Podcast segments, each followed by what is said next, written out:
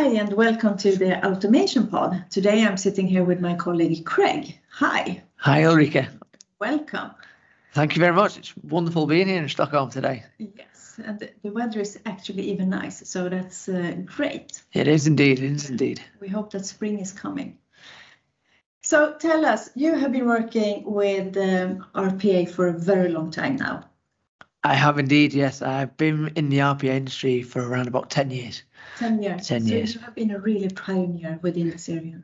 Yes, I'd like I'd like to say that, yes, Yeah. indeed. Yeah, I've been helping obviously organisations scaling as well with RPA. Mm. So um, back in the day, um, I was part of Blue Prism. I was employee number 21 there. Um, and I sort of helped organisations back then get un- get an understanding of what automation is. You know, what RPA back then was never heard of. so trying to talk to large organisations about what automation is, how it can help them, was very difficult back then. Um, so the time that w- the times that we're living in now, those conversations are a lot easier to have. But it's how do we at Digital Workforce offer offer and differentiate ourselves from from other competitors out there? But what's interesting with your experiences is also that you have helped companies to uh, scale on an international level, right? Or international companies to scale. It, it, yeah, that that's the best way of looking at it. Yeah. So I've worked with international organisations where we've started in one area of the business, and then culturally that adoption has just grown rapidly across that organisation. So what one particular business area automates a couple of processes, generates that excitement, getting that strategical level buy-in helps. And then before you know it, other parts of the organisation want a piece of the action, shall we say, and that can reach out to other parts of the world. Um, so that is where I, I, I probably do really enjoy that part of my job because you are then trying to put that governance in place, you know, those controls in place, and you you sort of from ten years ago remembering talking to organisations and, and and coming out of meetings and thinking they're not getting the what automation is, what what what what they don't really see the benefit to actually now where organisations are truly on board in uh, RPA. It's fantastic. Yeah, but I can imagine 10 years ago, because I mean, I've been in this industry now for four years, and I think, I mean, it's uh, amazing how it has evolved during these years. I mean, it's such a huge difference because when I started, it was like, does the technology really work? And Yeah. what is an RPA? And can we can we trust this and stuff like that? Is it going to take our jobs? You know, all these kind of questions. But 10 years ago, I mean, nobody had ever even heard about it. Yeah, yeah. So it, it must have been a little bit like a hocus pocus. Oh, well, well. So, we- so imagine, imagine trying to go into a bank, Yeah. and you're talking. They've got legislations, you know, compliance. They've got all these policies, rules, and you're trying to talk to somebody about to, sort of taking a leap of faith in the technology to say this this technology can help you. This can help your back office. This can help your staff. Um, it's really difficult. It really is. And and and back then, I'd say that is where the the the evaluations, like the proof of concepts, the pilots, were were more beneficial. Now I don't see organisations taking up a pilot or a proof of concept as such. No, I think also we, we have we are, we are beyond that because now it really okay we trust the technology you know Indeed. that this will work uh, because so many has proven that Yes. it will work. But the, the big challenge now still though is to help organizations to scale. Yeah. And that's where you come into the picture. In, in, indeed, Ulrika, that, that that that's where I feel um, my role really comes into it, and where I've done this for many years with organisations. I, I know sort of the next levels. If anything, it's knowing the hurdles that, that they're they're going to have to jump, um, the areas that they're going to have to tackle. Um, and I think right now we're where I think where we are in the industry, organisations that are struggling to scale is is, is definitely around the strategical piece. Because as you mentioned, the the technology works. They trust the technology, but organisations don't know how to um, rapidly scale across the organisation, and, and that is the difficult piece because the organisation culture comes into play as well. You know, the the getting that senior level buy-in is is it is is very difficult, and it's not because it's RPA. It's very difficult with with any sort of technology. But yeah, um, that is where uh, my my sort of role comes in in terms of what ideas, how we can actually be that trusted advisor to help guide organisations to get to their next levels.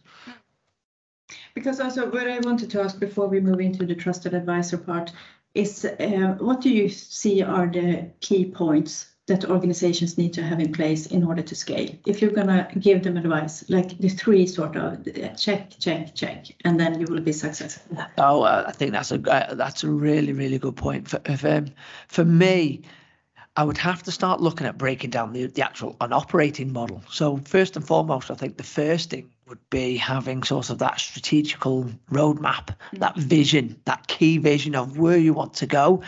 Um, I feel organisations start on their journey, knowing the technology, they'll implement a couple of processes, but don't look to the sort of the foreseeable future. Where's that going to get them? Where can they go?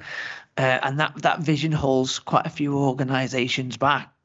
And I get understand probably why people don't have a vision because they're thinking of the now rather than focusing on the future. But that fundamentally is the. Is that an effect of this sort of quarterly economy we're living in, that we don't really have these big visions. I think so. We yes. don't have it in politics. Yes. we don't have it in the finance. We don't have it in the businesses. Yes, I, I, I couldn't agree more. I, I, I agree with that statement, and because being being in a sort of an RPA program, you, it's very it is very difficult to think about the future because you're you're trying to think about the now. Where are my processes going to lead me to? But also there are some people out there that start on this journey. They have sort of, you could say, a return on investment that's on their back, on the shoulders. It's a lot of weight to carry. They they want to prove to the business what RPA and automation, you know, what what it can do for them.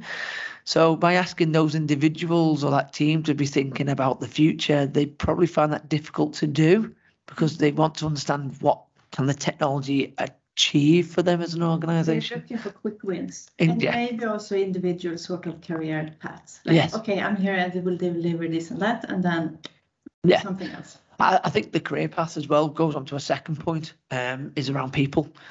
Um, uh, from my experiences, um, there's quite a few old customers that I've got that I've got actually were truly inspirational and transformational in their organization that are actually have now moved on to bigger, higher roles in other organizations, whether that's um, a similar organization or whether it's an RPA provider or whether it's a partner. Um, you can see that organizations can, sorry, uh, old old um, customers of mine have used this as a springboard to help their own sort of their careers. So I think the second point would be is is is getting the right people in the organisation, getting the right roles, those right responsibilities, um, and and and sort of getting those yeah that those right people in to help actually build the initial foundations of the operating model. And the third point? The third point, again, I would say boils down to a point you actually just raised a minute ago is is the processes. It's it's it's pivotal in finding the right processes to begin with. And, and when I say processes, I don't mean tasks. I, I feel a lot of organizations, when they start on their journey, choose tasks rather than processes, and that really hinders them in scaling. Um, finding a process is going to provide far more benefit down the line than a task will. Um, because tasks will eventually run out. Where the, the, processes, there will be the low hanging fruit, but there will also be far more difficult processes and that full end to end process orchestration layer further down the road. So I think the third point definitely would be making sure that you find the right processes to automate.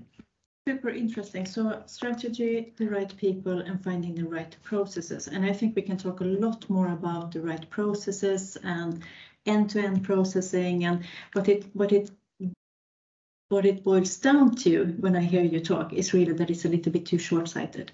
Yes.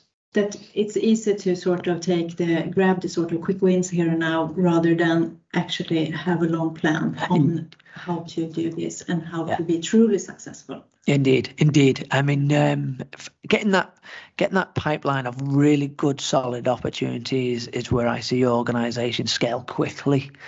Um, because I, I, I always talk about it, it's a bit like a conveyor belt. If, if you find those right processes and then you start to get them on your methodology and implement them, you do tend to find you scale quicker because the adoption's there, the excitement's there across the organisation. And before you know it, where I've seen this work really quite well is where other parts of the business want part of it. You know, they, they do want to jump on board. And so that for me, getting the, the right processes is extremely key.